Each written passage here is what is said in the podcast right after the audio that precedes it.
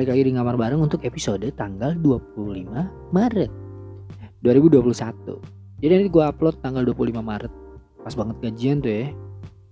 Eh Sekarang rekaman masih di kamar Studio gue Studio gue Gak deh gak punya studio gue Cuman eh, Ngeset kamar aja. Jadi punya workspace sekarang. Setelah berapa lama ya uh, harusnya sih gue udah bisa beli dari kemarin cuman gue males aja jadi akhirnya baru beli beli apa namanya kursi. Biasanya gue duduk di kasur.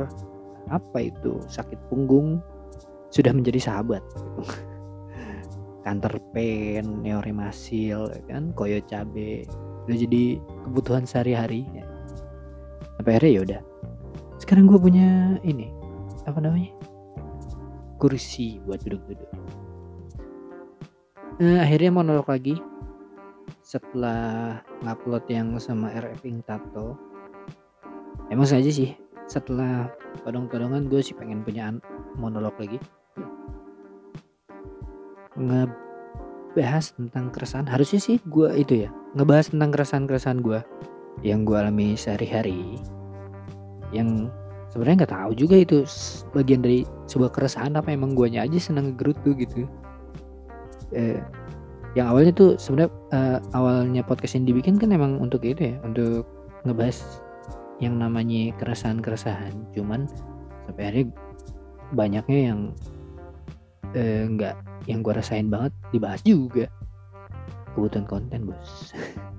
Sampai akhirnya ada beberapa teman gue yang bilang kayak dan balik lagi dong maksudnya ngebahas yang eh, sekitaran lu aja yang lu alamin yang jadi masalah yang gue alamin gak menarik men. Gimana dong?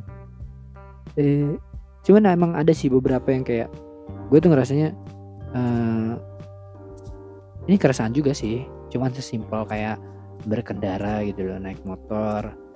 Kadang juga ada orang yang sembarangan kan naik motor gitu kan. Di pertigaan perempatan. Yang mana gue aneh juga sih maksudnya kayak emang lu nggak ngerasa ya? Maksudnya kalau misalkan di pertigaan gitu terus uh, potong gitu diagonal anjir. Bukannya itu malah lebih ribet ya kalau nyebrang kayak gitu? Karena di sebelah sana kan udah ada yang nungguin ya. Sih gimana ya? Ini gue nggambarin secara audio sih bisa banget nih kayaknya nih. Apa namanya? Kalau gue kalau gue nih gue nggak tahu sih. Gue juga bukan seorang pengendara yang baik ya. Sim juga nembak anjir. Cuman gue tuh ngerasa ini ada beberapa beberapa kesempatan di mana gue ngerasanya kayak motor yang baik tuh gini men. Bukan maksud menggurui sih. Gue gue juga nggak bisa bisa banget sih. Maksudnya belum belum paham gitu. Secara secara eh, ilmuannya gimana gitu. Cuman kalau gue rasanya kayak sesimpel nyebrang kalau gue dari sisi sebelah kiri. Kan memang di kita umumnya naik kendaraan kan dari sisi sebelah kiri ya kalau misalkan gue ada di sisi sebelah kiri harusnya kalau gue nyebrang pas pertigaan mau ke kanan misalkan berarti kan gue harus ke kiri juga dong gitu. Harus nyebrang dulu ke seberang sebelah sana. Tapi ada beberapa orang caur yang akhirnya di pertigaan dia nyebrangnya dari sebelah kanan. Diagonal motong. Padahal kan itu bikin macet ya. Sih bikin macet dan ribet sih menurut gue. Karena sering banget gitu kalau gue berangkat kerja dari kawasan eh, kan banyak tuh ada beberapa yang kayak motong-motong jalan tikus akhirnya ketemu banyak pertigaan kan. Pas gue nyebrang kalau gue sih emang emang ini nyebrangnya tuh gue biasa ngelintang gitu. Ngelintang lewatin belakang si abang-abang tukang parkirnya tuh yang biasa di tengah-tengah jalan suka stay gitu kan. Nah gue lewatin tuh kayak gue mau lewat punggungnya dia kan nyebrang tuh motong apa nyebrang tuh langsung ngelintang dari sebelah kiri ya gimana caranya gue harus ada di sebelah kiri sebelah sana juga otomatis harus nyebrang dulu kan. Nyebrangin jalannya dulu area yang kanan. Nah ini ada orang yang langsung motong dari sebelah kanan. Motong sebelah kanan terus mepetnya ke kanan juga kan. Doi susah ya mau ke kiri. Nggak nyampe. Mau ke kanan juga pas diklaksonin orang kan.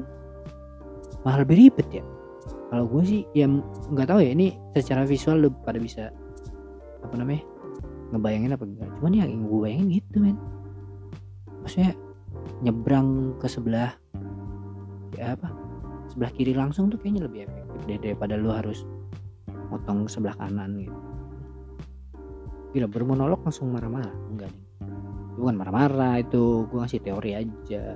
Meskipun susah juga ya. Maksudnya dijelasin secara audio tuh susah tapi kalau gue lebih senengnya kalau gue lebih senengnya nyebrang itu ya udah dari kalau emang gue dari kiri ya udah ke kiri aja gitu lu nyebrangin aja gitu. Eh, nyebrang apa di pertigaan tuh kalau lu dari kiri ya udah kiri aja gitu. Jangan segala motong-motong diagonal dari kanan susah juga cuy. Terus lagi gue bahas apa ya? Eh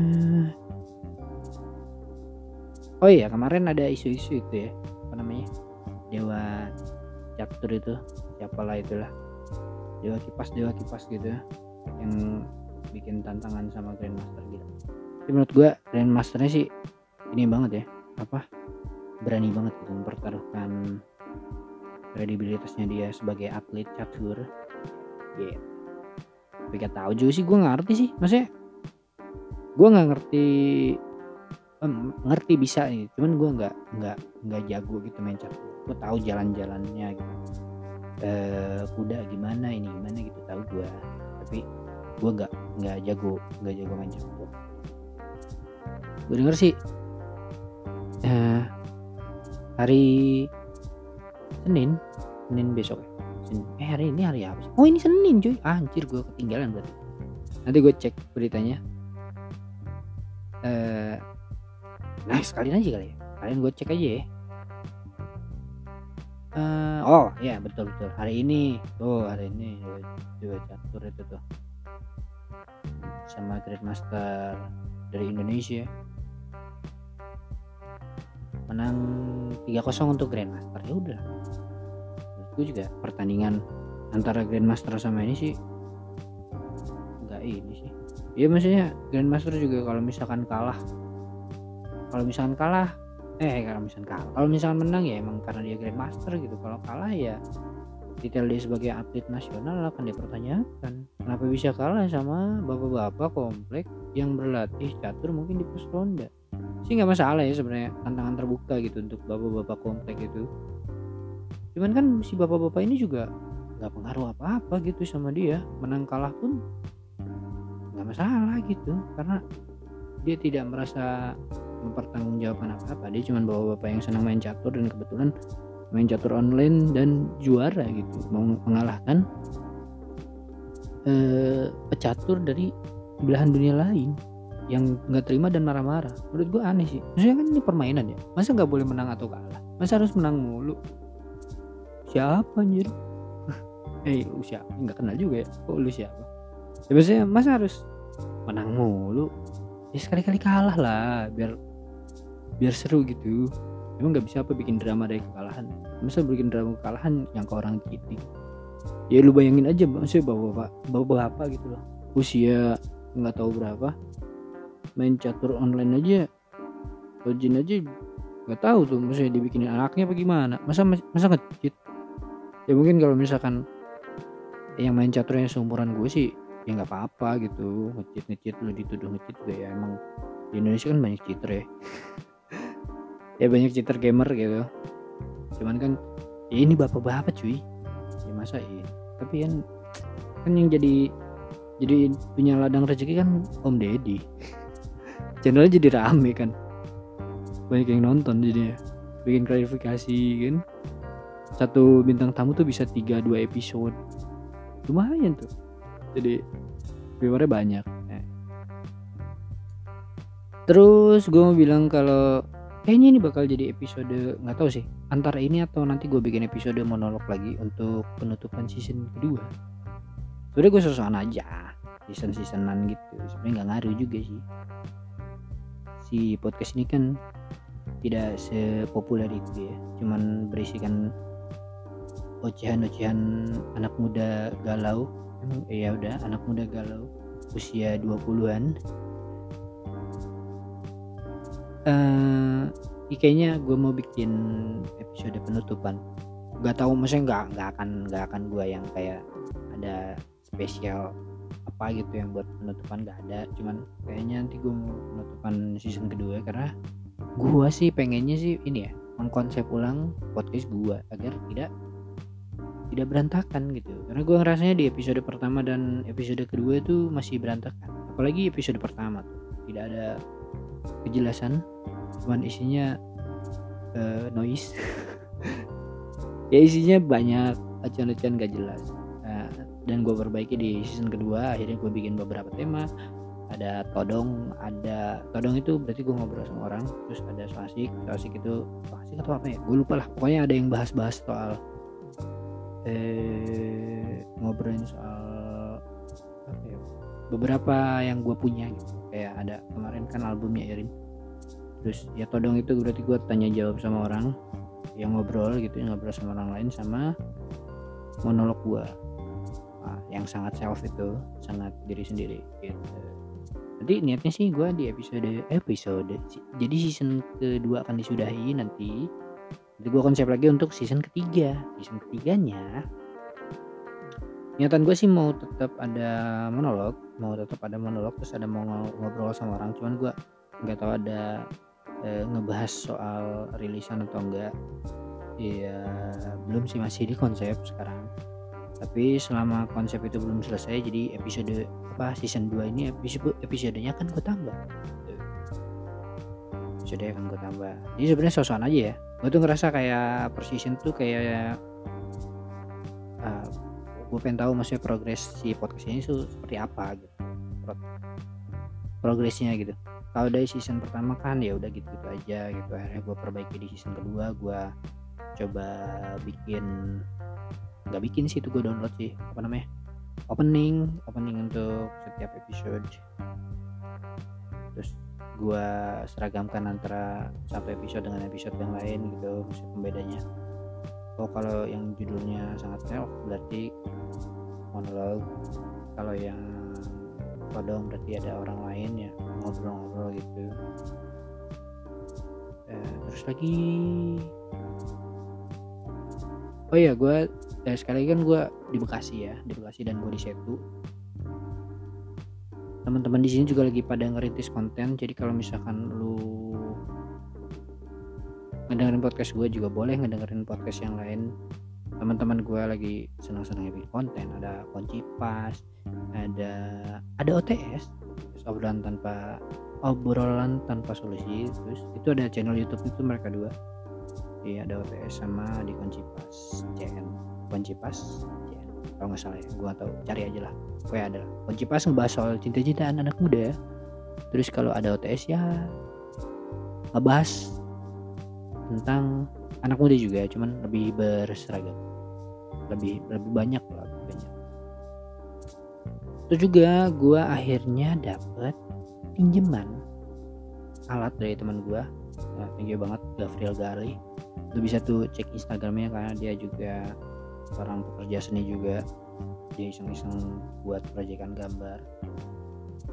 Buat merchandise buat kayak ya lukis lah lukis manual lah. Dia lukis manual dia gambarnya jago dicek aja di Instagramnya doi minjemin beberapa alat rekaman yang biasa dia pakai buat cover cover lagu akhirnya. Karena dia belum cover cover lagi ya, jadi gue pakai dulu sebentar. Jadi ini soundnya kurang lebih lebih lebih lebih jelas lah. Mungkin harusnya lebih jelas. Karena gue pinjam alat orang. Gue sadar diri bahwa podcast ini tidak begitu kaya jadi uh, ngakalin temen. Thank you banget Gali uh, Gabriel Gali Instagramnya ada tuh sama tulisannya kayak gitu. Terus uh, lagi? Berapa sih ini? Berapa menit sih? Set set. Bentar ya gue cek jam dulu. Jam di kamar gue mati nih. Eh baru 14 menit anjir. Gue dari tadi sudah baca sana sini baru 14 menit setengah coba bayangin. Tuh. Terus yaudah ya perasaan gue apa sih? Tadi gue bahas itu doang kan tentang berkendara dari seseorang yang simnya nembak. Ya ya gue boleh ya sim nembak sih menurut gue ya gimana ya nggak boleh sih sebenarnya cuman ya udahlah biar cepet ya sim gue nembak tapi abis itu sih pas perpanjang gue bilang gimana ya bang timnya nembak nih gimana ya nggak apa-apa perpanjang aja asal jangan ini lah jangan aneh-aneh bawa motornya gitu. daripada udah bawa motor aneh-aneh nggak punya sim malah lebih bahaya gitu. tapi punya sim dan naik motor aneh-aneh sih bahaya juga ya sembarangan gitu ya makanya itulah kenapa gue gue gue sih gitu ya. Gue sih kadang sama beberapa hal tuh kayak ini apa namanya lebih seneng nyari apa ya? Ya ya bisa dibilang ilmunya lah maksudnya segala sesuatunya itu pasti kan ada dasar dasar ini ya dasar ilmunya gitu. E, kayak misalkan berkendara motor gitu ya adalah standar standar naik motor gitu standar standar kendaraan bermotor. Makanya gue uh, selalu ke mana-mana pakai helm. Sering tuh. Banyak teman-teman gue sini tuh kayak komentar gitu kayak si Madan cuma mau ke Alfa depan nyebrang aja pakai ini ya pakai helm. Gitu karena gue tuh tidak terbiasa nggak pakai helm. Makanya gue agak agak jarang ini jarang digonceng. Karena gue tuh kalau gonceng kan kalau gonceng berdua biasanya kalau cuma deket temen gue tuh suka males tuh kalau gue pakai helm gitu kayak ya mau pergi jauh aja. Kan gue kalau naik motor tuh nggak betah kalau pakai helm. Jadi eh, seringnya bawa sih dia yang gue gonceng gitu biar gue bisa pakai helm gitu doang sih. Soalnya nggak nyaman nggak tahu sih kalau gue ya maksudnya kalau gue nggak tahu kalau orang kalau gue sih kalau naik motor nggak pakai helm tuh aneh rasanya nggak nyaman aja nggak nyaman. Ya emang beberapa kali sih ada ya kondisional gitu gue kayak nggak pakai helm. Cuman emang nggak boleh sih sebenarnya kalau misalnya naik motor nggak pakai helm. Cuman ada kayak beberapa karena gue pakai ya karena saya muslim gitu kadang kalau ke mana gitu mengharuskan pak eh, bukan mengharuskan eh, baiknya pakai kopiah jadinya gue jarang tuh pakai helm gitu. Tapi sering juga sih yang kopiahnya gue taruh dulu di tas kalau kopiahnya gue taruh di kantong gue pakai helm. Sering juga kayak gitu biasanya kalau mau berangkat sholat jumat tuh. Nah itu. Gue gue tuh sering banget pakai helm. Pokoknya gue naik motor dari 100% gue perjalanan naik motor 98% 97% gue jamin gue pakai helm. Gitu. Terus kayak eh motor gue juga gue nggak biasa pakai knalpot berisik jadi nggak tahu sih gue belum nemu esensinya mungkin jadi gue nggak pakai knalpot berisik. E, dari dulu gue berapa kali punya motor e, ya limpahan dari abang gue gitu. Gue nggak pernah namanya ganti-ganti knalpot jadi berisik karena bukan karena guanya sosokan atau gimana tapi emang gue nggak suka aja gitu. Gak suka kalau teman-teman ada yang suka pakai knalpot basic sih nggak apa-apa ya. Dan kalau gue sih nggak suka. Gue seneng yang knalpot standar aja gitu. Kurangnya nggak ini sih. Kenapa jadi membanggakan diri sendiri? Ya gitu loh. Kurang lebih seperti itu. Terus itu kan hal-hal mendasar ya. Maksudnya mendasar dalam berkendara gitu. Emang baiknya seperti itu standarnya layaknya gitu kan pakai helm mau jauh dekat sepuluh ribu kayak gojek. Ya jauh dekat tetap pakai helm naik motor yang wajar wajar aja nggak usah naik motor tiba-tiba jijak kan. Ganggu orang. Nah kan itu. Siapa lagi? Oh ya gue gue ngerasa norak eh, gue ngerasa norak di saat teman gue bayar parkir eh apa bayar parkir di parkiran gitu yang pakai palang bayarnya di tap pakai imani. Dan gue masih bayar pakai uang recehan.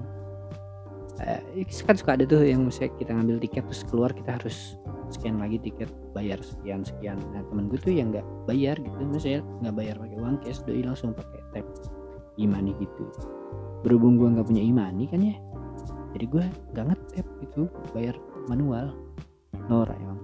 Kemajuan zaman tidak bisa saya ikuti sebenarnya pengen sih maksudnya gua di di benak gua kan imani cuma buat kayak itol itol doang ya. Maksudnya taunya gue tuh taunya gue tuh cuma buat itol. Ternyata eh bisa yang lain kayak bayar parkir kayak gitu gitu bahkan gue tuh belum pernah naik MRT tau.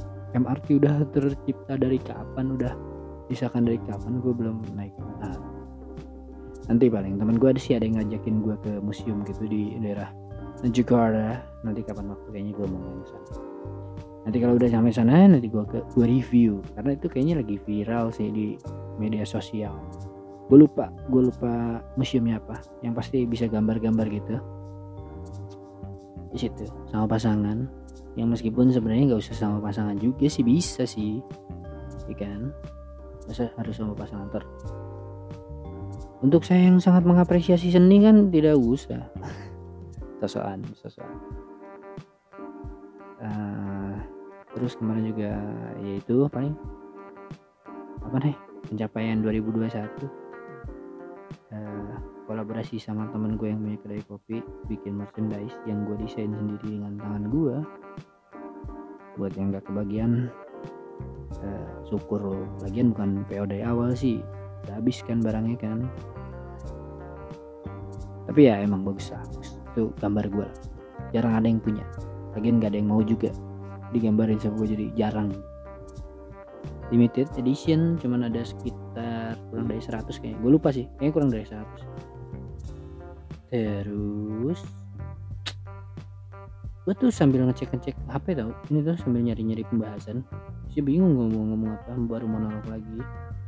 Malah temen gue buat besok. Dan dari si ini oh gue habis ini nih. Temen gue baru ngabarin gue habis apa namanya memperpanjang oh kok memperpanjang? KTP KTP gue kan. Jadi KTP gue tuh gambarnya hilang nomornya nggak kelihatan. Akhirnya gue tolong akhirnya gue minta tolong sama teman gue buat dibuatin KTP baru biar ini apa namanya KTP-nya jelas gitu. Tapi gue tuh nggak jelas gambarnya. Hilang. Gimana mau seumur hidup? Belum seumur hidup aja udah hilang gambarnya. Lagian cetakannya gitu doang sih aneh banget dah. Katanya KTP elektronik. Maksud gue tuh KTP elektronik tuh yang kayak ini apa? Ya kayak imani gitu loh. Maksudnya bisa di apa namanya di scan scan cuman infonya sih katanya ada beberapa kantor desa yang udah bisa di scan ya. Cuman kan secara mayoritas masyarakat kita belum pernah melihat ya. Jadi kayak ini apa namanya apa sih? Ya jadi kayak urban legend gitu. Gak semuanya mengalami jadi fungsinya ektp itu apa? Sedangkan ektp kan udah udah lama banget tuh dirilisnya tapi kok maksudnya secara fungsinya masih kayak KTP yang lama gitu. Kalau mau buat persyaratan-persyaratan tetap di fotokopi aneh banget. Gue denger denger gak nggak denger sih gue lihat di Instagram sih. Di Instagram ada yang lagi uji coba palang tol yang otomatis kebuka tanpa harus ngetap gitu loh. Katanya sih apa namanya si palang tolnya nggak baca. Chip dari imani yang kita miliki. Jadi palang tol itu akan bisa terbuka kalau imani kita ada saldonya. Teknologi ini sangat keren ya. Kayak di negara-negara maju tapi belum semuanya.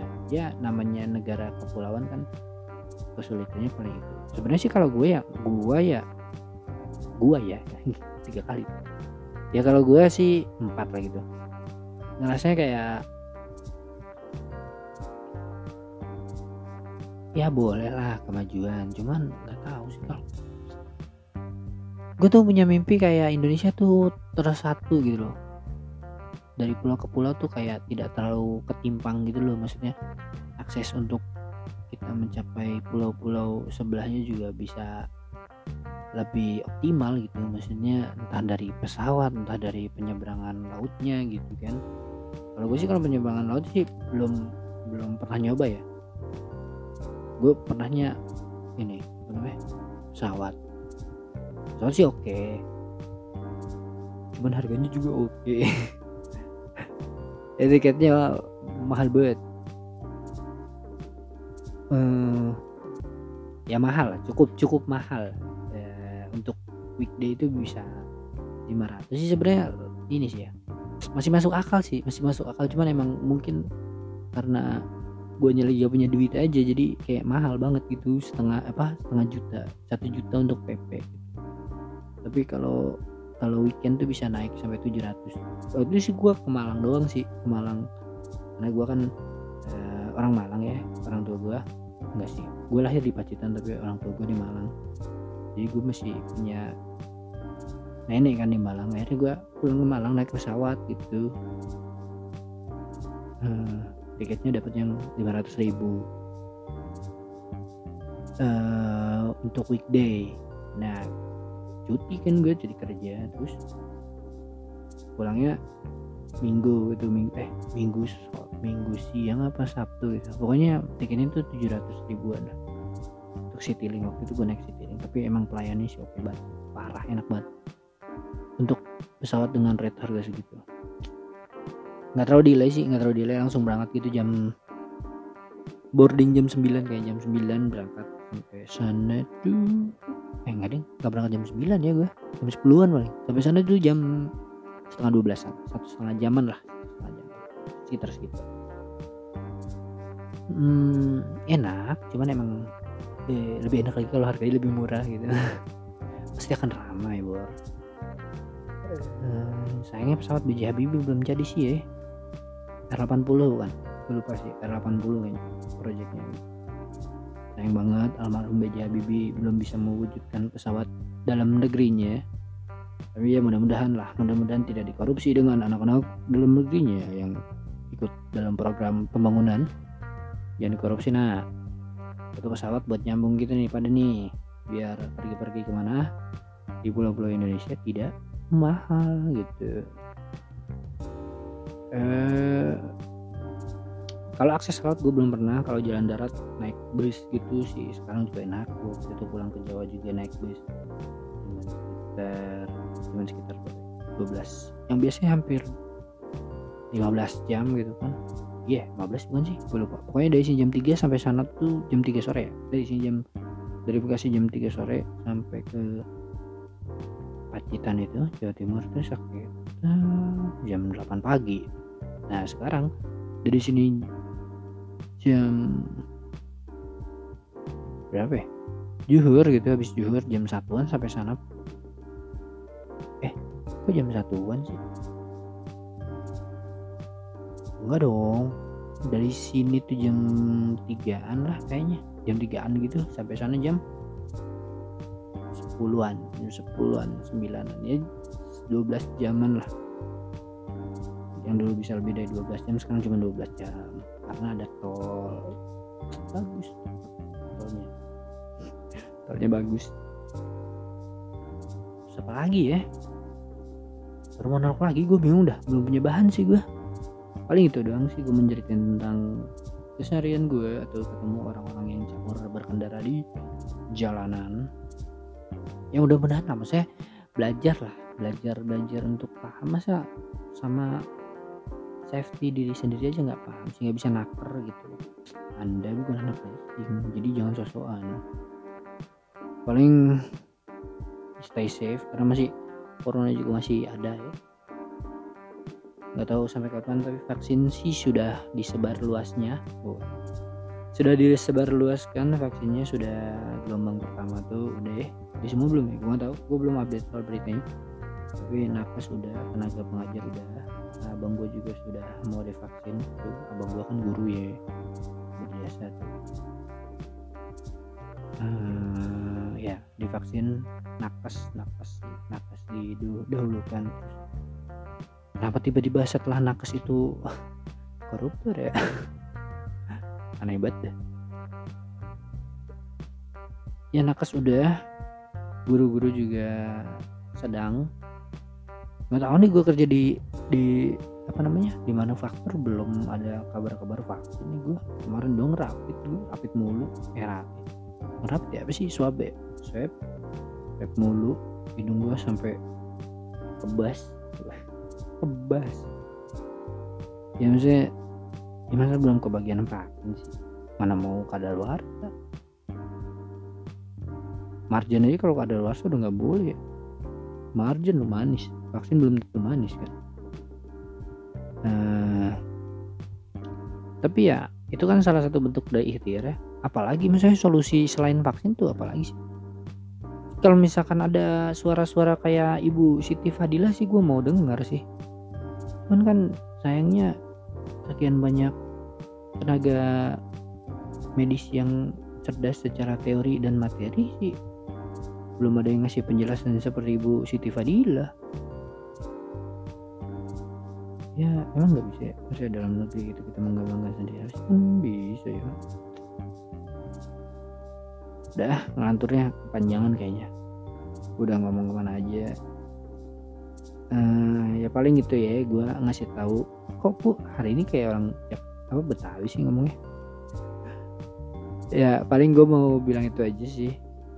Uh, untuk season kedua gue mau rapi-rapi beres-beres diberesin nanti masuk ke season ketiga. Semoga konsepnya bisa lebih oke. Okay. ini malah lebih rapi sih gue cuman pengen ngerapihin aja sih. Maksudnya ngerapihin biar setlistnya bagus kelihatannya seragam atau rapi lah minimal.